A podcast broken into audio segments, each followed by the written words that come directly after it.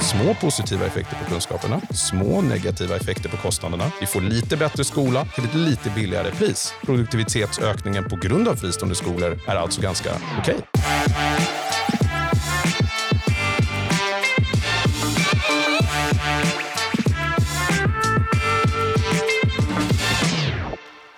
Du lyssnar på Ekonomerna, en podd från Timbro med mig, Jakob Lundberg och vanligtvis eh, John Norell. Men han sitter just nu upptagen med tentor. Så istället har jag bjudit in en gäst, Gabriel Helle Sahlgren. Varmt välkommen till Ekonomerna. Tack så mycket. Eh, du är ju skolforskare. Eh, du har doktorerat på London School of Economics och är numera på Institutet för näringslivsforskning. Hur länge har du hållit på med skolforskning egentligen?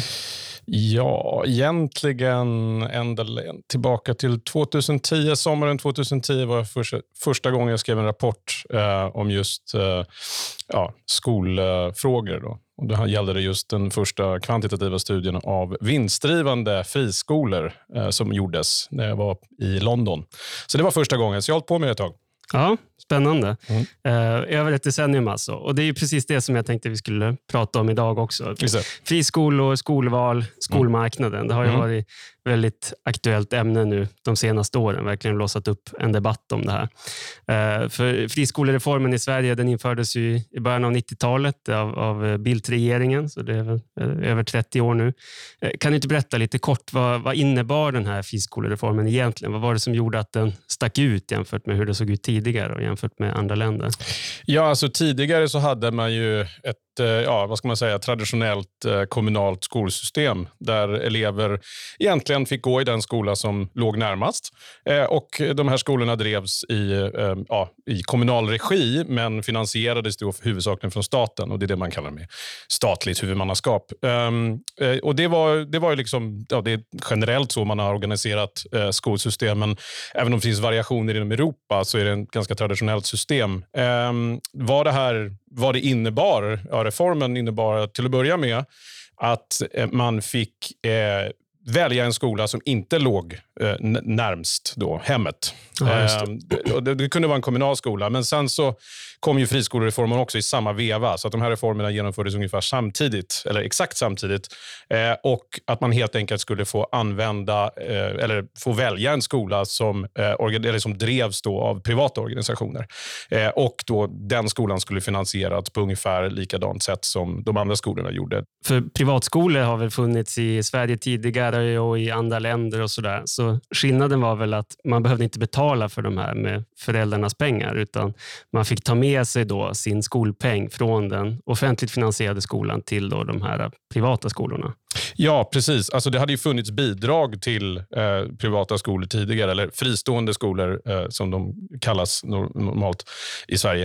Eh, men det här var första gången som man skulle jämställa då den finansieringen på ett sätt som, så att de skulle kunna eh, ja, egentligen eh, helt bekostas med, eh, med offentliga pengar. Eh, jag skulle inte säga att det är unikt. Det har funnits eh, i väldigt många andra länder. bland, annat, bland annat i, i Holland så har man ungefär 75 procent elever som går i sådana skolor. Det skrivs in i konstitutionen 1913. Danmark har en väldigt lång tradition av det här. Eh, och även i andra delar av världen. Eh, som upp, ja, upp, generellt så kan man säga att de här skolorna i andra delar av världen uppstod ganska länge sedan och handlade mer om eh, ja, vad ska man säga, kraftmätningar mellan sekulära krafter och den katolska kyrkan. Och Det är inte därför vi genomförde friskolereformen. Eh, så att, men absolut, huvudpoängen är att ja, nej, man behöver inte betala för att gå i de här eh, fristående skolorna. Det var det som friskolereformen innebar. Ja, just det. Och under de här 30 åren så har ju fler och fler av eleverna börjat gå i, i friskolor också. Uh, och jag tänkte om vi dyker in direkt lite grann i, i forskningen. Du kan mm. sammanfatta väldigt kort. När det gäller skolresultaten, hur mycket man faktiskt lär sig. Vad säger forskningen om friskolorna och skolvalets effekter? Fokuserar vi på friskolorna så, så säger den bästa forskningen att det finns en liten positiv effekt på kunskaperna. Och Den här effekten uppstår eh, både när man tittar på in, alltså, inhemska kunskapsmätningar eh, såsom nationella prov, eh, betyg i kärnämnen, eh, men också när man tittar på internationella kunskapsmätningar, eh, specifikt TIMS. Och den här har då genomförts ända tillbaka till 95 och då har man tittat på okay, hur Sveriges eh, kunskapsresultat utvecklades generellt mellan 95 och i den här studien då slutar man vid 2011, eller 2007, förlåt mig. Och då kan man se att det finns en positiv effekt, att om något så, så, så bromsade den här reformen det här fallet som skedde i Sverige mellan 95 och 97. Ja, just det. Skolresultaten blev sämre, men friskolorna gjorde att det förmodligen blev lite mindre dåligt i alla fall. Små positiva effekter av friskolereformen. Relativt små. På, på grundskolan. Då. Ja. Och när det gäller skolval, vad, vad säger forskningen där? Ja, det är ungefär lik, det är liknande effekter. Uh, där har man inte studerat några effekter på internationella kunskapsmätningar. Däremot om man tittar på lite långsiktiga effekter och det finns en liten positiv effekt på, på kunskaperna. Så att de, men den studien, det är i alla fall den, den senaste som har gjorts på det också och den finner uh, kanske lite mindre, men det är små, väldigt små positiva effekter på kort sikt. Eh, så det, det, är väl i sig det man kan säga om skolvalet. Jag skulle också notera att om man tittar på den studien som fokuserar på fristående skolor så är det tydligt att effekten framförallt inte uppstår för att, eller ja, framförallt uppstår på grund av konkurrensen mm. som fristående skolor ger till kommunala skolor. För att Det verkar som att effekten av, eh, av fristående skolor, om man tittar enbart på eleverna i kommunala skolor, är ungefär lika stor. Mm. Så att det verkar inte vara så att fristående skolor är jättemycket bättre, utan det är att, ja, att de egentligen ökar konkurrensen totalt sett i systemet, så att det blir positiva systemeffekter. Om du tillåter dig att spekulera lite grann, gå ur forskarrollen, vad, vad, han, vad skulle det kunna handla om konkret som gör att, att skolvalet bidrar då till bättre resultat och man liksom sporras att jobba bättre som skola? Ja, alltså dels kan det vara hur man organiserar skolan, eh, pedagogiska metoder. Det kan vara väldigt många olika saker. Så att det spri, alltså, okay, så här funkar de här skolorna. Det verkar gå bra. Hur ska vi organisera våra skolor? Eh, nytänkande, det kan vara väldigt mycket. Sen kan det ju vara så att ja, men bara faktumet att okay, nu, nu måste vi lägga manken till lite här eftersom det finns ett annat alternativ som eleverna kan välja och då kanske vi måste börja tänka lite mer på resultaten i sig. Ja, just det. Ja, låter inte helt orimligt. Nej. Något som pratas så mycket är det här med betygsinflation också. Det har, det har ju varit betygsinflation. Det är väldigt tydligt om man ser över tid att de genomsnittliga betygen har ökat betydligt mer än vad som är rimligt att det, det har att göra med faktiska kunskaper. Mm. Eh, har friskolor och skolval någon skuld i det här? De studier som har gjorts, om man tittar på alltså så att säga, um, det, det, det, systemeffekterna, återigen om man tittar på okay, hur påverkar det totalt sett eh, betygsinflationen. Finner en viss eh, effekt. Den är väldigt liten, de studier som har gjort det. Eh, så att det finns en viss effekt av då konkurrensen på betygsinflationen. Så som man mäter, men man ska komma ihåg att det är väldigt svårt att mäta det här. Eh, man brukar mm. tala om okay, skillnaden mellan liksom, eh, resultatet på nationella provet och betyg. Men man måste komma ihåg att de nationella proven också rättas internt av elevernas egna lärare. De absolut bästa studierna som har gjorts, tycker jag, är inte de som studerar liksom, skillnaden mellan ja, hur eleverna presterar på ett nationellt prov och på, på betyg. Därför att det, i slutändan så bestäms som sagt bägge utfallen av elevens egna lärare. Eh, utan det är de som studerar eh, skillnaden mellan intern och extern rättning på de nationella proven. Och Där har man funnit att fristående skolor i snitt ehm, eh, tenderar att sätta lite högre betyg eh, än vad en extern rättare gör. Man ska komma ihåg att det är en lit, alltså, om man tittar på totalt sett variationen som finns mellan individuella skolor visavi vad huvudmannaeffekten är, så är det, ja, den är väldigt liten. Men, men eh, eh så att det finns en effekt där. Det ska man, men, men, men då är frågan, vad är det här drivs av? Är vi vinstdrivande friskolor eller är det icke vinstdrivande friskolor? Ja, och där verkar det vara så att det huvudsakligen är... Alltså, vinstdrivande skolor har också en liten effekt, men den starkaste effekten är, alltså, beror på icke-vinstdrivande friskolor. Vilket är, rimmar illa med det här ekonomiska incitamentsargumentet. Alltså att okay, vinstdrivande friskolor skulle ha högre betygsinflation för att försöka locka sig till sig fler elever för att så, på så sätt tjäna mer pengar. Snarare kan man tänka sig att det kanske är ett att, eh, att det är voice, alltså att eh, elever, vad är det för slags elever som går på de här icke vinstdrivande friskolorna? Ja, det kanske är mer resursstarka. Det är kanske de som, ofta föräldrar som sitter i styrelsen och sådana saker som, um, som tenderar att uh, vara mer benägna helt enkelt att pressa för högre betyg. Dock ska vi också komma ihåg att det här är skillnader mellan skolor. Och Som jag noterade i studien om friskolornas effekter på kunskaperna så är det inte egentligen det som är det mest intressanta heller. Utan det är frågan hur påverkar eh, friskolorna liksom betygsinflationen eller skillnaden då mellan intern och extern rättning på, på systemnivå. Det finns väldigt lite alltså forskning på det, men de studier som har gjorts när man har försökt att titta på det här på kommunal nivå, det vill säga är det så att en högre andel elever i fristående skolor korrelerar med större avvikelser mellan då den här interna rättaren, det vill säga läraren, och den externa rättningen. Och där finns det ingenting som tyder på det. Tvärtom så finns det faktiskt så att eh, någon, eh, så tyder det på att ehm, eh, ele, alltså, vad ska man säga, kommunala skolor som omgärdas av fristående skolor tenderar att bli mer restriktiva i rättningen. Mm. Och Det är ju väldigt märkligt resultat. Varför skulle det vara så? Ja. Ja, det finns ju olika. Dels kan det ju vara att det skiljer sig systematiskt då kommuner. Man har inte gjort det här på lång på, med, med, med, så rigorösa metoder som man har studerat effekterna på kunskaperna. Men, så det kan ju vara så. Men, men eh, en annan förklaring är helt enkelt att det inte handlar om en huvudmannaeffekt utan det handlar om en sorteringseffekt. Vilka, vad är det för slags elever återigen som väljer eh, fristående skolor? Det kan vara så att de är mer benägna att pusha för högre betyg. Deras föräldrar är mer benägna att pusha för högre betyg. Om de inte hade gått över till fristående skolor så det, hade de lika gärna varit kvar i de kommunala skolorna och ropat på högre betyg. Det skulle kunna förklara varför den här så kallade konkurrenseffekten, att andelen elever i fristående skolor i princip är, är liksom negativt eh, relaterat med, eh, med betygsinflation bland kommunala skolor. Så på systemnivå är det ändå då tveksamt att skolvalet och friskolorna har bidragit till ökad betygsinflation?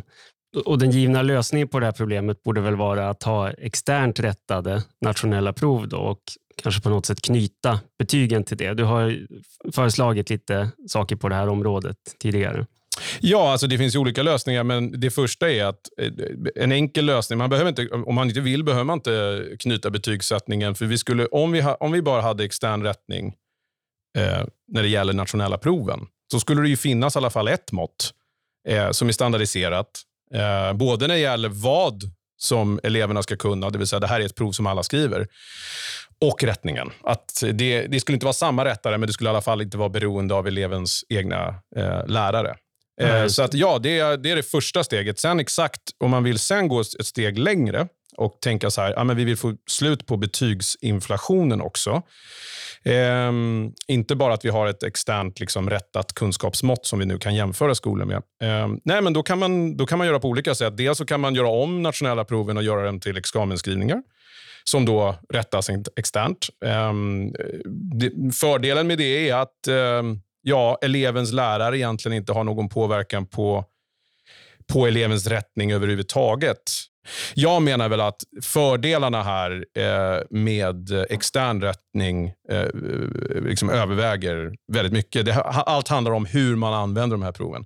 Så att om vi går tillbaka till frågan om det här med betygen. Om man antingen gör om proven till... Ett förslag var, ska man göra om proven till nationella proven till examensskrivningar så att hur man presterar på det här provet är det som avgör betyget helt och hållet och det är bara externt. Mm. Det andra alternativet är då att man helt enkelt knyter eh, Eh, skolornas genomsnittliga betyg ehm, till eh, snittbetyget på de här nationella proven som då rättas externt. Så att skolan i genomsnitt får inte Alltså deras betyg får inte överstiga snittet på det nationella provet, men läraren får då bestämma hur den interna så att säga, fördelningen ska se ut.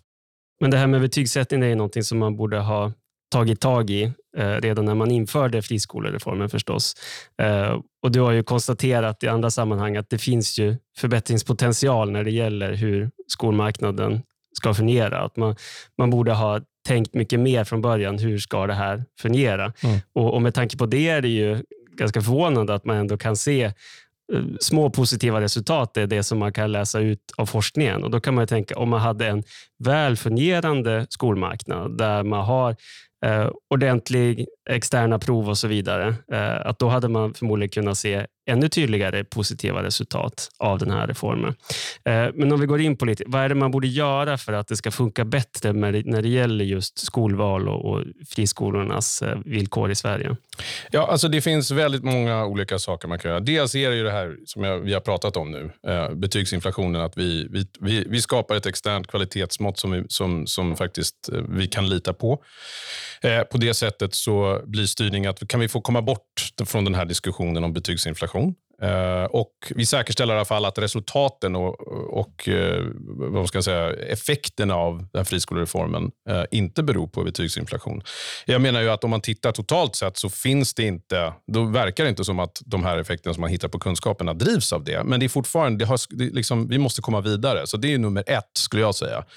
Eh, sen generellt sett så det finns andra saker också om man tittar på eh, kvalitetsmåtten som vi har, som man kan välja skolor efter är, inte, är långt ifrån optimal idag.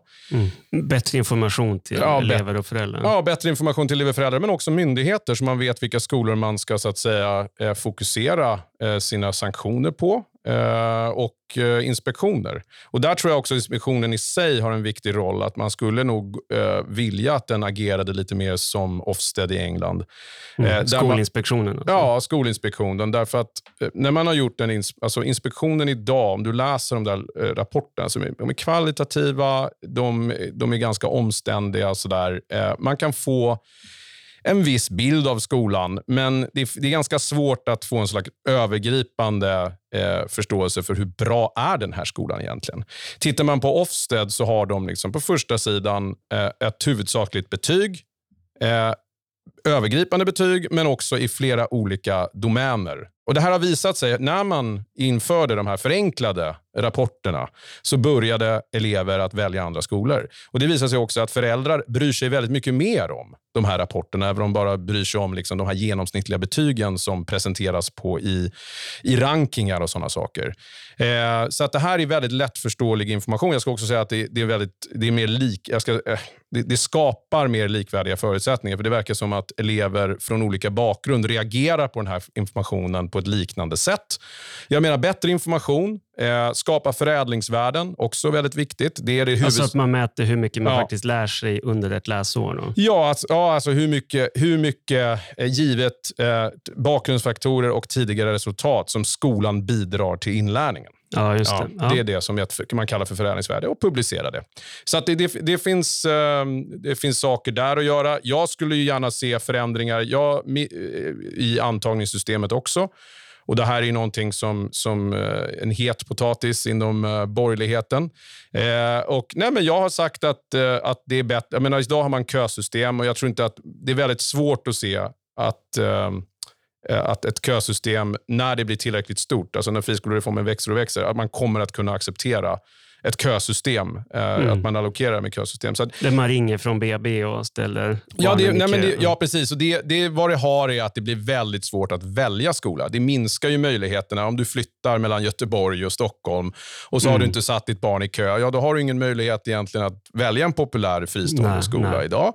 Eh, men sen är det också så här att det, så att jag skulle säga att det minskar konkurrensen och systemet om mm. alla elever. Och Jag är intresserad, det som också från forskning visar att Även om det är så, i, också, återigen om vi går till engelsk forskning, så, uh, så man hör ofta ja, föräldrar från uh, liksom, sämre förhållanden och med låg socioekonomisk bakgrund och sådär. De bryr sig inte lika mycket om skolkvalitet.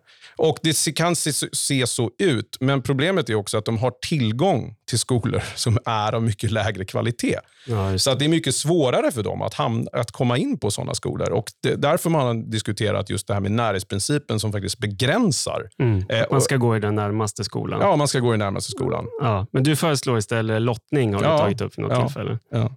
Ja, men det är inte så populärt bland Nej. föräldrarna. Nej, man tror att det är en tombola, att man ska då tvingas uh, välja en skola och det ska bli blandade elever. Det är inte det jag säger. Det, är, det där med blandning är en helt annan fråga. Utan det här handlar om, om alla elever söker till en skola, om det finns 100 elever och det finns 50 platser, hur ska man välja ut de där 50 eleverna? Mm. Inte att de ska hamna i någon annan skola som de inte har sökt, utan hur ska man välja ut de ska komma in? Idag så är det närhetsprincip till kommunala skolor. Eller så mm. är det kötid till fristående skolor. Ja, jag menar att bland dem så ska man kunna bara säga, okej, okay, ni har sökt allihopa, ni ska ha samma chans att komma in på den här skolan. Här är lotteriet, vi kör. Mm. Och det är, det, är, så man har agerat, i, eller flera fristående skolor har gjort i, i Storbritannien, där man inte får ta, anta elever med kö. En annan omdebatterad fråga som du touchar lite på, det är just det här med likvärdighet som man säger, segregationen, mellan skolor. Um, och Här brukar du lyfta upp det här med boendesegregationen. Mm. Uh, för det, det, finns en väldigt tydlig forskning som visar att när man har skoldistrikt i USA till exempel, då vill folk väldigt gärna bo i skoldistrikt med lite finare skolor. Man har högre huspriser där. Det är en högre efterfrågan på, på de skolorna. Eh, och att om man har skolval så kan det motverka den typen av segregation. Då. Ja, precis. Alltså, man, man, den forskning som analyserar tittar inte bara på huspriser. Huspriser är indirekt eh, fakt, alltså som man tittar på att okej, okay, bättre presterande skolor, huspriserna däromkring tenderar att, att öka på grund av det och så har man isolerat den effekten. Eh, sen finns det ju som sagt också forskning som studerar den direkta effekten av på boendesegregationen. Att vad händer när man tillåter eh, mer liksom ganska ah, begränsade former av av skolval. Ja, just. Då är det inte riktigt lika viktigt att bo i ett sånt här fint område med en bra skola. Precis. Eftersom man kan bo i förorten och ja. ändå välja att ja. gå i den här friskolan precis. i det fina området. Ja. Och då, blir det verk, då, då finner den forskningen att det jämnas ut. Vilket är precis vad teoretiska modeller inom nationalekonomi förutspår att när man, när man har eh, mer möjligheter till skolval så kommer, det, så kommer väl, män, människor att välja att bosätta sig annorlunda. Och Det är det här som är viktigt i den, alltså jag skulle säga om man tittar på den svenska forskningen. För all den forskning som finns tyder på att eh, ja, eh, det finns, alltså den absolut starkaste effekten av, alltså som, eller den starkaste faktorn som har gjort att skolsegregationen har ökat över tid i Sverige.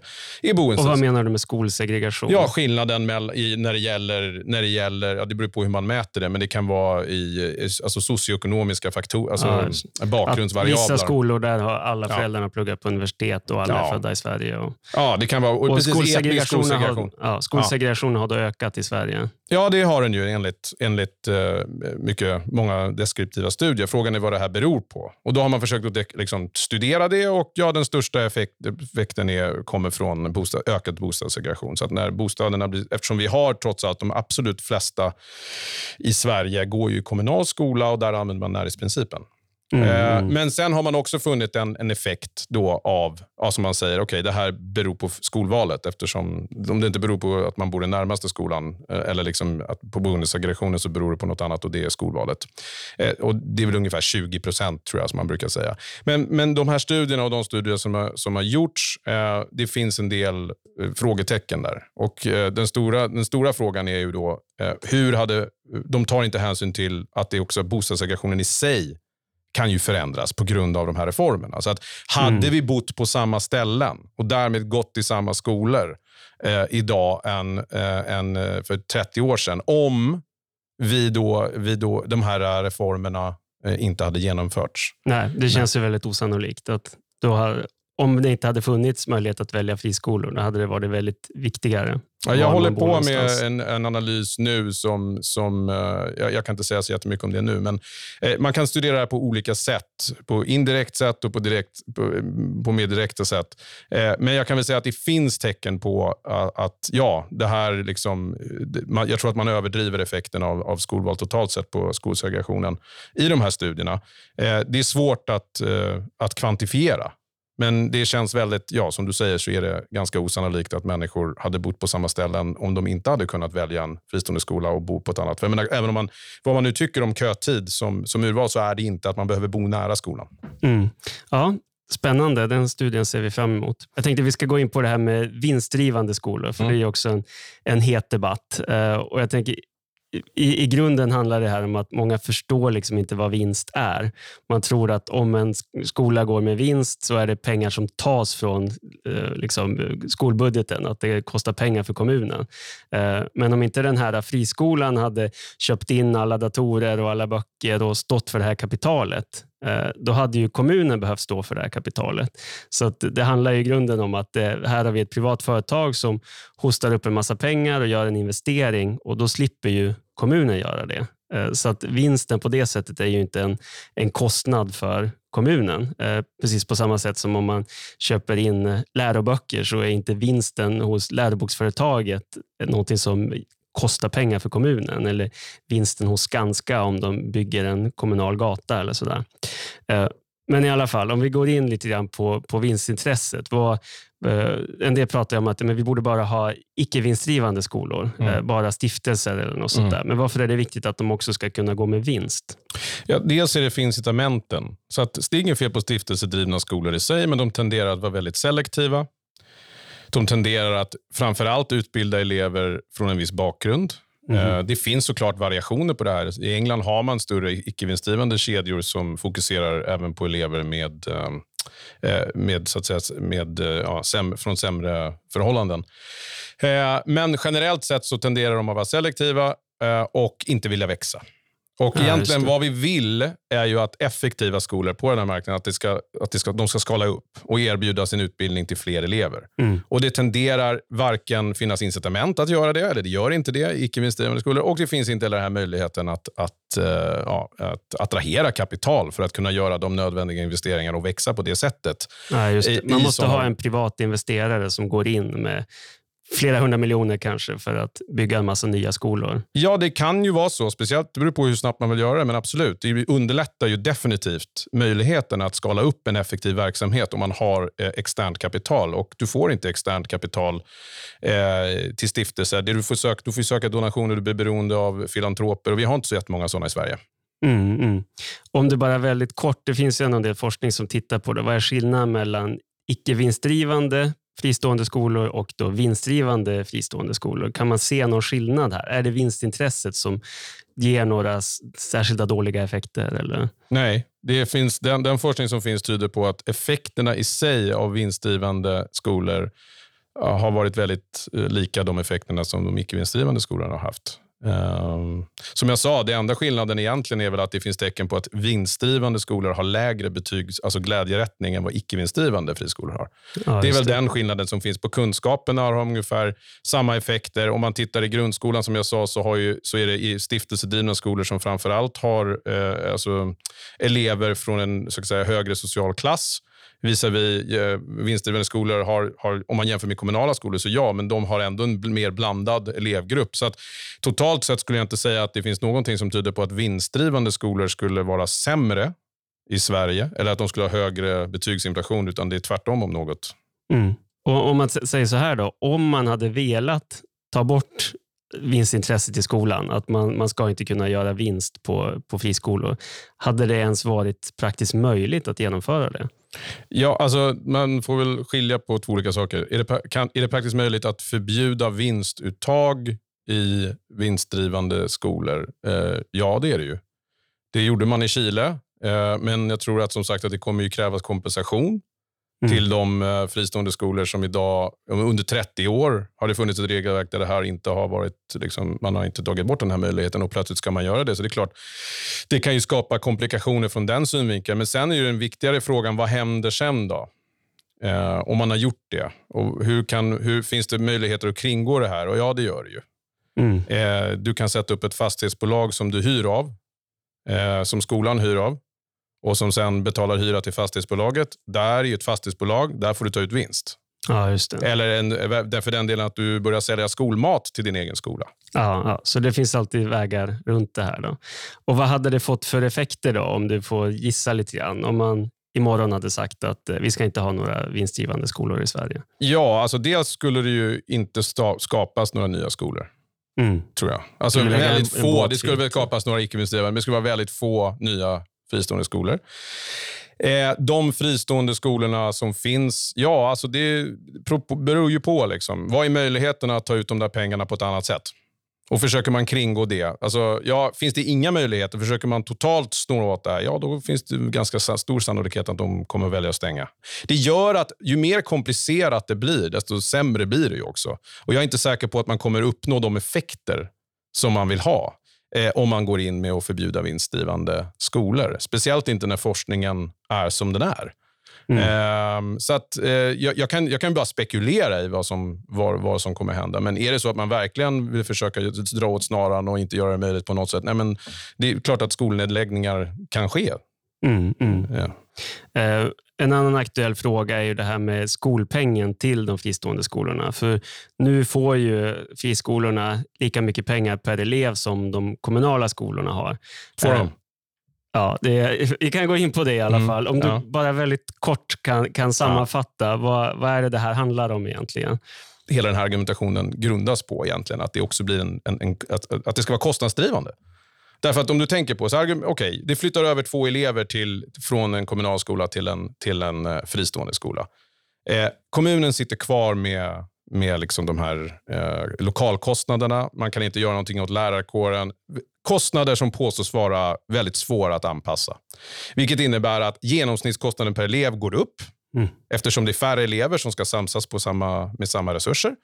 Eh, och Det i sin tur ökar skolpengen för fristående skolor eftersom den ska baseras på den genomsnittliga kostnaden per elev i kommunala skolor. Det är argumentet. Mm. Eh, och I slutändan så blir det här kostnadsdrivande. Och Det här är det argument som man har hört många gånger från över tid också när det gäller liksom varför fristående skolor inte ska funka och så där, Att de driver upp kostnaderna. Och, eh, och, eh, men tittar man på det som jag har, jag har studerat det här och det finns ingen, ingenting som tyder på att de är kostnadsdrivande totalt sett. Utan tvärtom så verkar det som att det finns eh, negativa effekter på kostnader. Det vill säga att, eh, att eh, kostnaderna faktiskt minskar minskar något på grund, mm. när fler elever väljer eh, fristående skolor. Så det finns två förklaringar till det. Det ena är, om, för att komma tillbaka, att ja, de ska få lika mycket pengar. Att de faktiskt inte får lika mycket pengar, trots att lagen säger det. Och Vi vet att över de senaste, jag menar för fem år sedan så var diskussionen mer att ja, fristående skolor påstod att de fick för lite pengar. För det är väldigt svårt att kolla hur skolpengen är konstruerad.